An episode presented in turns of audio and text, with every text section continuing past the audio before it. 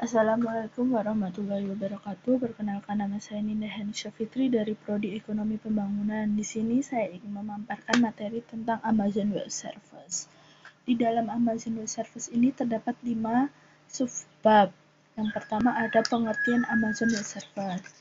Pengertian Amazon Web Server adalah sekumpulan layanan-layanan berbasis cloud computing yang disediakan oleh Amazon sejak tahun 2002.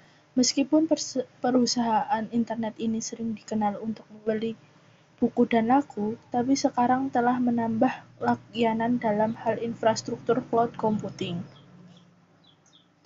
Dan yang kedua ada macam-macam layanan Amazon Web Service terdapat menjadi lim, terbagi menjadi lima bagian. Yang pertama ada layanan komputasi. Layanan komputasi adalah layanan ini dikhususkan untuk memberi infrastruktur untuk pengguna yang ingin menggunakan Amazon Web Service ini untuk melakukan komputasi seperti server atau clustered server. Dan yang kedua ada layanan penyimpanan. Layanan yang memberikan infrastruktur untuk penggunaan yang ingin menggunakan Amazon untuk melakukan penyimpanan. Yang ketiga ada Amazon Basis Data. Layanan ini dikhususkan untuk basis data, di mana basis data kita tersebut disimpan di cloud dan dapat diakses di mana saja secara aman, cepat, dan ter terpercaya. Dan keempat ada layanan jaringan. Layanan ini dikhususkan untuk mengatur jaringan antara layanan-layanan yang di dalamnya, di dalam cloud maupun di luar cloud.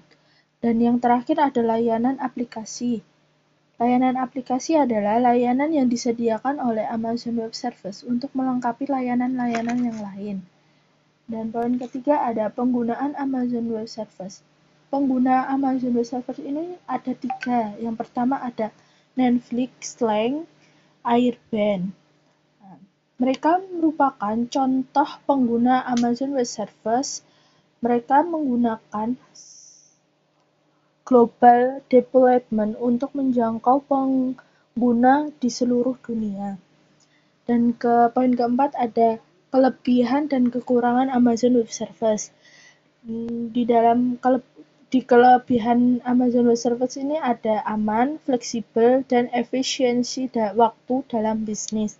Dan kekurangannya ada harga produk yang ditawarkan perusahaan tidak dapat ditawar-tawar lagi. Kedua, ada barang yang ditawarkan tidak sebanding dengan yang aslinya. Dan poin terakhir ada manfaat Amazon Web Service. yang pertama ada untuk membangun bisnis perusahaan dan sebagai akses penawaran produk di suatu perusahaan ke perusahaan lainnya. Yang kedua ada sebagai media penyedia layanan cloud computing sehingga pengguna dapat menyimpan data secara permanen di dalam server internet. Sekian dari presentasi saya. Bila ada salah kata, mohon maaf. Wassalamualaikum warahmatullahi wabarakatuh.